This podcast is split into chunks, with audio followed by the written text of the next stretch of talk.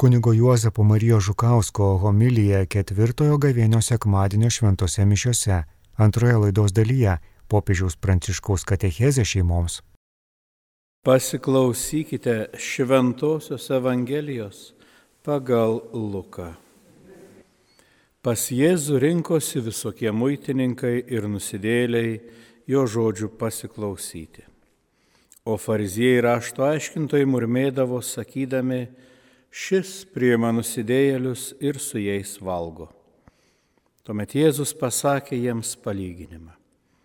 Vienas žmogus turėjo du sūnus. Kartą jaunesnysis tarė tėvui, tėve, atiduok man priklausančią palikimo dalį. Tėvas padalijo sūnums turtą. Netrukus jaunėlis, susėmęs savo dalį, iškeliavo į tolimą šalį. Ten palaidai gyvendamas išeikvojo savo lobį. Kai viską išleido, toje šalyje kilo baisus badas ir jis pradėjo stokoti. Tada nuėjo pas vieną šalies gyventoją ir stojo jam tarnauti. Tasai jį pasiuntė keulių ganyti. Jis geidė prikimšti pilvą bent ankščių jovalo, kurį ėdė keulės, tačiau ir to jam neduodavo. Tada susimastė ir tarė kiek mano tėvo samdinių apščiai turi duonos, o aš čia mirštu iš bado. Kelsiuos, eisiu pas tėvą ir sakysiu, tėve, nusidėjau dangų ir tau, nesu vertas vadintis tavo sunumi, priimk mane bent samdiniu. Jis pasiryžo ir iškeliavo pas tėvą. Tėvas pažino jį iš tolo, labai susigaudino, pribėgo prie jo, puolė ant kaklo ir pabučiavo. O sūnus prabilo, tėve, nusidėjau dangų ir tau, nebesu vertas vadintis tavo sūnumi. Bet tėvas įsakė tarnams, kuo greičiau atneškite geriausią drabužį ir apvilkite jį.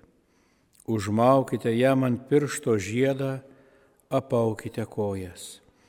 Atveskite nupenėtą veršį ir papjaukite, puotaukime, linksminkimės, nes šis mano sunus buvo miręs ir vėl atgyjo, buvo pražuvęs ir atsirado.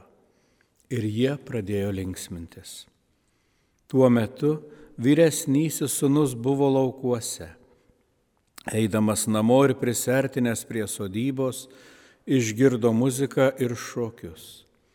Jis pasišaukė tarną ir paklausė, kas čia dedasi. Tas jam atsakė, sugrįžo tavo brolis, tai tėvas liepė papjauti nupenėtą veršį, kad sulaukė jos veiko. Tada šis supyko ir nenorėjo eiti namo. Tėvas, išėjęs, prarad, pradėjo vadinti jį vidun, o jis atkirto tėvui.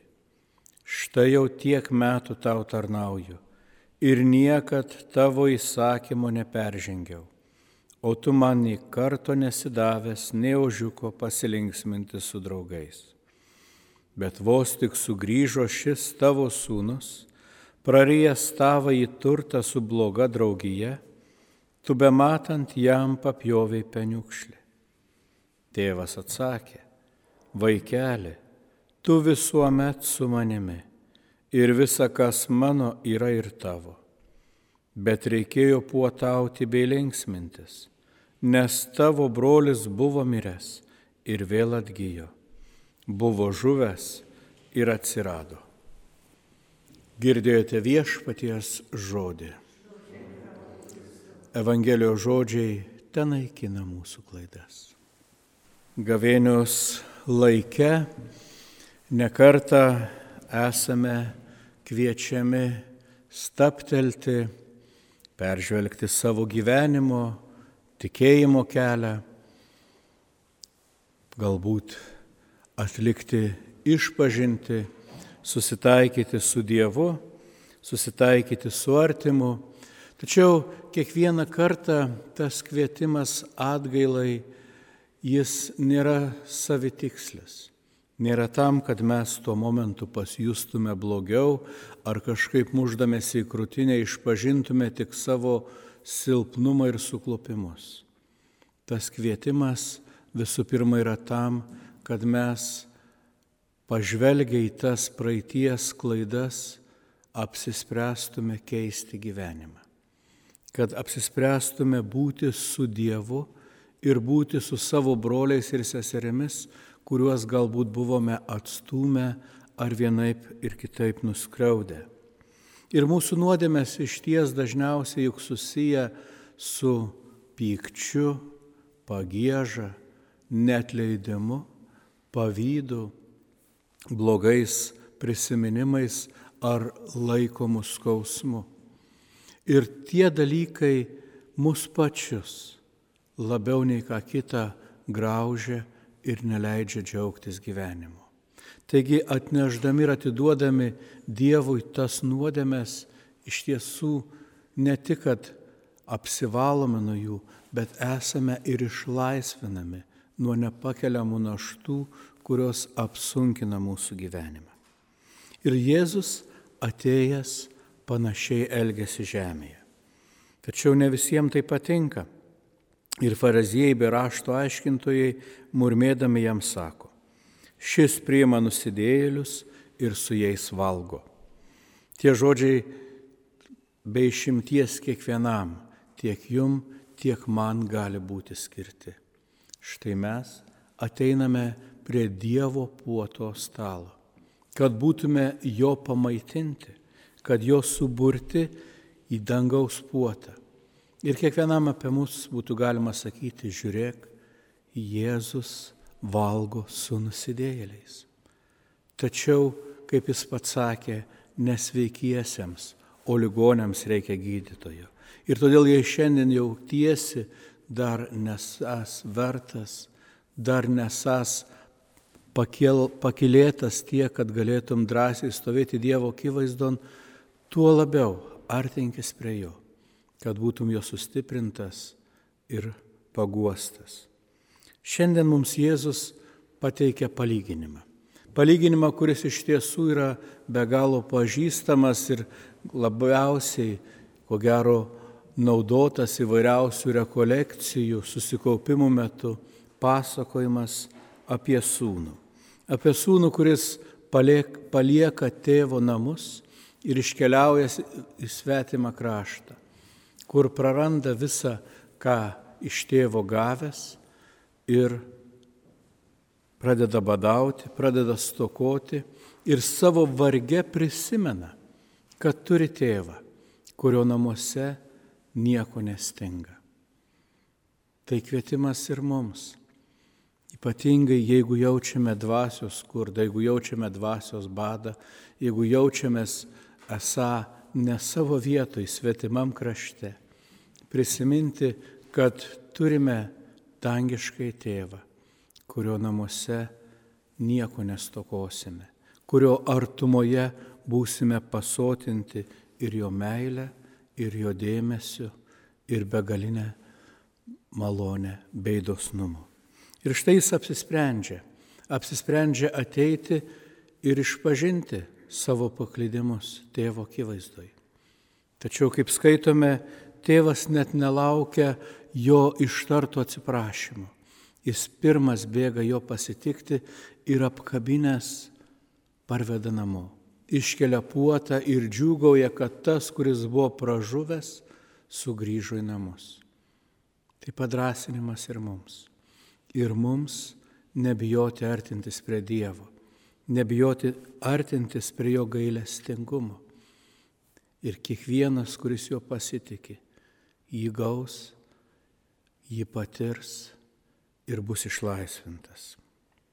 Tiesa, skaitome ir apie vyresnį brolį, kuris nesidžiaugia savo jaunėlio brolio sugrįžimu Jis net priekaištauja tėvui, kad šis yra per daug dosnus ir gailestingas. Ir mes patys irgi kartais esame užkietinę savo širdis artimųjų atžvilgių, galvodami, kad štai tas ar anas dėl savo gyvenimo būdo, dėl to, ką mums yra padaręs, tikrai yra nevertas atleidimo. Tačiau ką mes to sakome? Kad mes norime, kad jis būtų pasmerktas amžinai? Iš tiesų, dangiškasis tėvas yra tikras tėvas. Ir mes visi esame jam tikri vaikai. Ir nei vienas tėvas savo vaikų neišsižada. Dar daugiau, žvelgiant į Jėzaus gyvenimą, galima būtų pratesti tą pasakojimą, kad buvo ne tik tais du broliai, buvo ir trečiasis. Buvo Jėzus Kristus, kuris yra visų mūsų brolis. Ir kuris, matydamas pražuvusi savo brolį jaunėlį, eina pas tėvą ir matydamas jo liūdėsi dėl išėjusio brolio, sako, tėve, leisk man, aš eisiu jo surasti. Ir čia turime įsikūnymo paslapti, kada Dievo tėvo sūnus Jėzus Kristus ateina į šį pasaulį, tam, kad surastų paklydusius Dievo vaikus kad jie nepasiklystų pasaulyje, bet atrastų kelią pas mylinti tėvą. Ir visą, ką jis daro atėjęs, jis visiems sako, grįžkite pas tėvą. Tėvas jūsų laukia, tėvas jūsų ilgisi, tėvas jūs be galo myli. Ir nesvarbu, kokios didelis būtų jūsų nuodėmės, jis pasiruošęs jūs priimti. Išdrįskite žengti į priekį. Galbūt tas jaunėlis buvo praradęs ne tik turtus, bet ir įsiskolinęs ir galbūt turėjo tarnauti už savo skolas, kaip mes papuolame per nuodėmės į velnio vergyją. Ir velnės nenori mūsų paleisti, sakydamas, jūs esate man skolingi. Nuodėmės kaina yra mirtis ir jūs nematysite gyvenimo. Ir tas brolis sako, aš stosiu į tavo vietą, aš sumokėsiu visas tavo skolas, aš už tave numirsiu, nes tėvas nori tave pamatyti savo namuose. Ir tas jaunėlis gali grįžti. Lygiai taip pat ir Jėzus sutinka mirti ant kryžiaus, kad mes nepražūtume, kad mes sugrįžtume į tėvo namus. Tas išlaisvinimas jau yra įvykęs ir mes jau esame pakelyje. Tad nebenuklyskime iš šoną. Nepražūkime dar kartą. Brankinkime tą Jėzaus dovanotą atpirkimą, nes dangiškasis tėvas mūsų laukia ir trokšta matyti mus savo namuose. Tad šis likęs gavėnios laikas te bus pripildytas dangaus ilgesiu, te bus pripildytas ramybės ir žinojimo, kad esame be galo tėvo mylimi. Ir jeigu mus legia kažkokios praeities nuodėmės, kažkokie sunkumai, jis yra pasiruošęs atleisti. Mums tai reikia paprasčiausiai ištarti, tėve, nusidėjau dangų ir tau, tačiau trokštų vėl būti tavo vaikas, vėl trokštų vadintis tavo sunami, tavo dukra ir būsime jo apkabinti, padabinti gražiausių atpirkimo rūbų ir mums bus atvertos dangaus karalystės duris.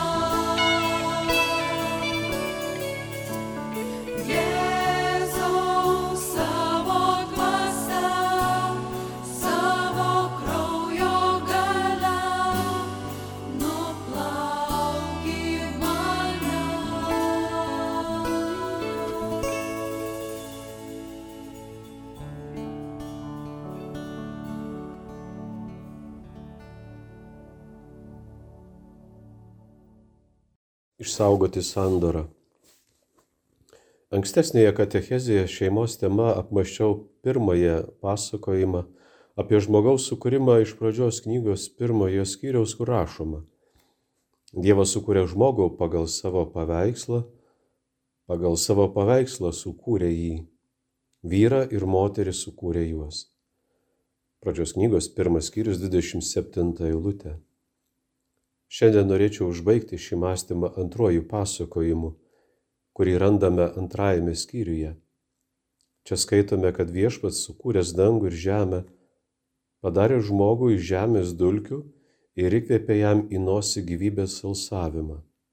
Taip žmogus tapo gyva būtybė. Pradžios knygos antras skyrius septinta eilutė. Tai yra kūrimo viršūnė Tačiau kažko dar trūksta. Tada Dievas įkurdina žmogų gražiausiame sode, kad jis jį dirbtų ir prižiūrėtų. Palyginti pradžios knygos antras skyrius 15 eilutė. Šventoji dvasia įkvėpusi visą Bibliją, trumpam iškelia vyro, kuris yra vienas vaizdą, kažko trūksta, jis yra be moters, Šventoji dvasia leidžia numanyti Dievo mintis, net jo jausmus, kad jis žvelgia į Adomą ir stebi jį vienišą sode. Jis laisvas, jis yra viešpats, bet vienas. Ir Dievas mato, kad tai negera. Stinga bendrystės. Jis tokoja bendrystės, jam trūksta pilnatvės. Negera, sako Dievas ir priduria, padarysiu jam tinkamą bendrininką. Pradžios knygos antras skyrius 18 eilutė. Dievas žmogui atveda visus gyvūnus. Žmogus kiekvieną jų pavadina vardu ir tai yra dar vienas žmogaus viešpatavimo kūriniai įvaizdis. Tačiau jis neranda ne vieno gyvūno panašaus į save. Žmogus ir toliau lieka vienas. Galiausiai Kai Dievas jam pristato moterį, žmogus entuziastingai pripažįsta, kad šis kūrinys tik ji yra jo dalis. Kaulas mano kaulų ir kūnas mano kūno. Pradžios skyriaus, antros skyriaus 23 eilutė. Galiausiai čia yra atspindys, abipusiškumas. Štai pavyzdys leidžiantis mums tai suprasti, norint ištiesti kitam ranką reikia, kad kitas būtų priešais. Jei žmogus ištiesia ranką, bet nėra kas ją paspaustų, tuomet ranka lieka ištiesta, nėra tarpusavio sąveikos. Tai buvo ir su žmogumi.